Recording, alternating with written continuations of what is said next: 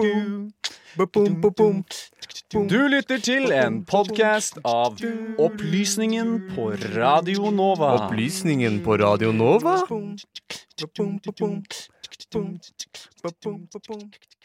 Forrige uke ble dommedagsklokka stilt, og ifølge denne klokka så er vi nå nærmere dommedag enn det vi noen gang har vært tidligere.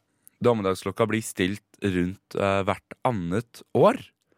Men hvorfor er den så nærme dommedag nå? Hva er dommedagsklokka egentlig? Og hvor nærme dommedag er vi egentlig akkurat nå? Det skal du få høre litt mer om i dette innslaget. Hvis jeg hadde spurt deg når har verden vært nærmest dommedag, hva hadde vært svaret ditt? Hadde du trukket fram Cuba-krisen, andre verdenskrig eller kanskje raketthendelsen på Andøya?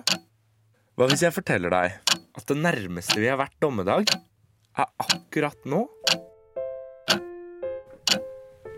Forrige tirsdag ble dommedagsklokken stilt, og er nå 100 sekunder unna midnatt. Det nærmeste dommedag vi noen gang har vært. Men for å forstå hvorfor vi er så nærme dommedag nå, og hva dommedagsklokken egentlig er, må vi reise tilbake i tid til 1947. Andre verdenskrig har nettopp herjet over hele verden. Europa ligger i ruiner, og USA har vist hele verden hva de er i stand til etter bombingen av Hiroshima og Nagasaki. Den første bruken av fremtidens masseødeleggelsesvåpen atombomben. Noen av forskerne som bidro til Manhattan-prosjektet, de som sto bak utviklingen av atombomben, starter tidsskriftet Bulletin of the Atomic Scientists når de har sett konsekvensene av bomben de har lagd. Og to år etter startes dommedagsklokken. En visuell fremstilling av hvor nærme dommedag vi er. Tidsskriftet drives i dag av forskere ved Universitetet i Chicago og er fortsatt ansvarlig for stilling av viserne på dommedagsklokka. Når klokken stilles første gang i 1947, blir den stilt til syv minutter på midnatt, syv minutter før dommedag. Siden 1947 har klokken blitt stilt både frem og tilbake etter hvert som trusselen og muligheten for atomkrig har blitt større eller mindre. Da klokken først ble stilt, så den kun på den mulige trusselen for atomkrig, men etter hvert som årene har gått og trusselbildet har endret seg, har også klokken endret fokus. I dag ser den på klimatrusselen, trusselen fra nano- og bioteknologi, men også atomvåpen. Menneskeskapte fenomener. I 1991 stilles klokken til 17 minutter på midnatt. Grunnen til dette er Sovjetunionens fall og dannelsen av Start 1-avtalen.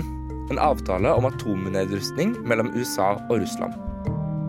Dette markerer et punkt i dommedagsklokkens historie, og er det lengste unna vi ifølge forskerne i Chicago har vært dommedag. Siden 1991 har klokken blitt stilt nærmere og nærmere midnatt, og i 2018 ble klokken stilt til to minutter på midnatt, det nærmeste viserne noen gang hadde vært dommedag.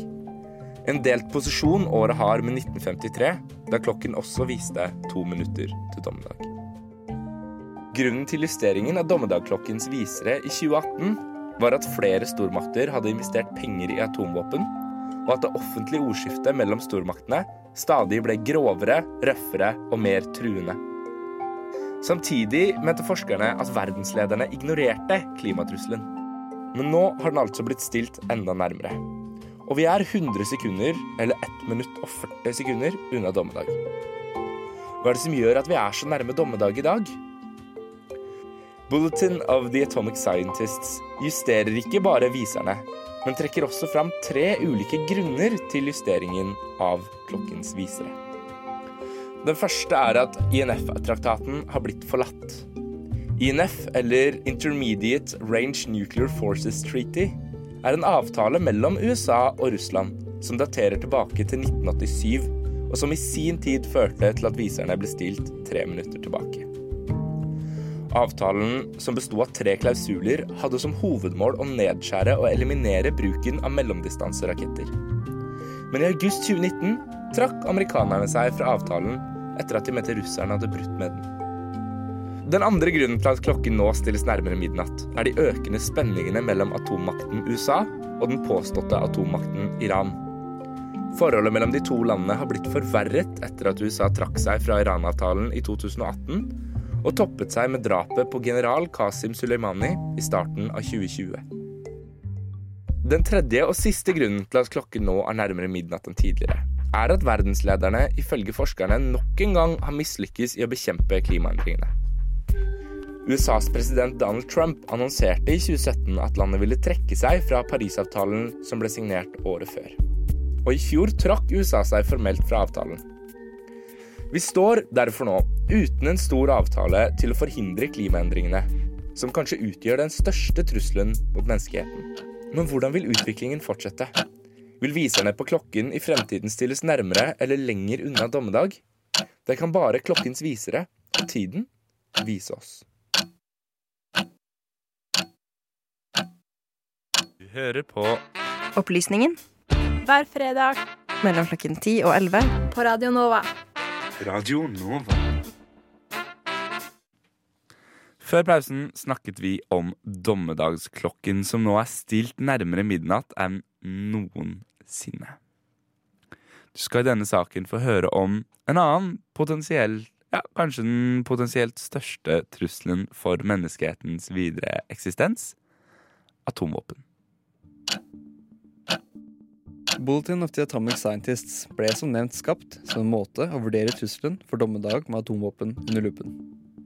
Derfor er det rimelig at vi også setter vår lupe mot armert fusjon og verdens atommakter. Ifølge Nina Tannenwald ved Brown University var atomvåpen alltid sett på som et uunngåelig våpen. Hun siterer i teksten sin 'Stigmatizing the Bomb Origins of the Nuclear Taboo' John Dolls, amerikansk utenriksminister fra 53, som mente atomvåpen var den ultimate uunngåelighet. Tankegangen er enkel å følge. Dersom man ikke har atomvåpen, og din motstander har det, er man betydelig overmannet. Dersom begge sider av en konflikt har masseødeleggelsesvåpen og har muligheten til å ødelegge hverandre absolutt, vil man ha fred siden krig vil ødelegge verden. Dermed blir atomvåpen et slags instrument for fred. Det beste forsvar er et godt angrep. Den beste måten å unngå å bli tilintetgjort, er ved å true med tilintetgjørelse. Dette er teorien bak Mutually Assured Destruction. En av grunnene til at vi fremdeles har atomvåpen. Mange atomvåpen. Av alle verdens land er det for øyeblikket åtte nasjoner som har gått ut med informasjon om at de besitter atomarsenal. Disse er USA, Russland, Kina, Storbritannia, Frankrike, India, Pakistan og Nord-Korea. Videre har vi land som Israel og Iran, hvor det er en åpen hemmelighet at de har atomkapabiliteter. Per nå er det ifølge SIPRI 3750 atombomber ute med personell, hvorav 2000 av disse er operasjonelle. Alex Wellerstein, professor i forskningshistorie, har laget en nettside, nuclearsecrecy.com slash nukemap, hvor man har muligheten til å simulere en atomeksplosjon hvor som helst i verden med bombene verdens atommakter angivelig har i sine arsenaler. Som eksempel har en russisk Topol SS-25-bombe en termisk radius på 11,1 km. Altså vil du få tredjegradsforbrenninger og ødelagte nerveceller så langt som 11 km unna det originale målet. Det vil si at en slik bombe sluppet over f.eks. Majorstua i Oslo vil tredjegradsforbrenne deg helt ut i Sandvika i vest og Furuset i øst. Ifølge Nukemaps estimater vil en slik eksplosjon ta livet av over 200 000 mennesker. Det var altså én bombe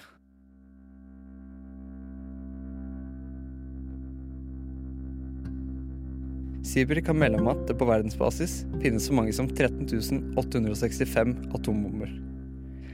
Det nevnte SIPRI er et uavhengig forskningsinstitutt basert i Stockholm som jobber med fred. Så nå, når det kun er 100 sekunder til midnatt, kan det være en idé å tenke over elendigheten menneskeheten påfører seg selv. Bulletin of Atomic Scientists, som stiller klokka, holder oversikt over tre ting. Atomvåpen, klimaendringene og forstyrrende teknologier. I utgangspunktet menneskeskapte katastrofer. Klokka tikker ned, og det er visst menneskeheten som er urverket.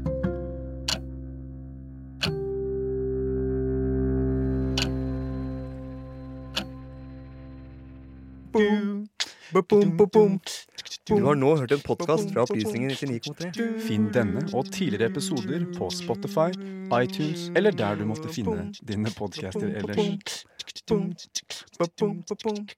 Boom.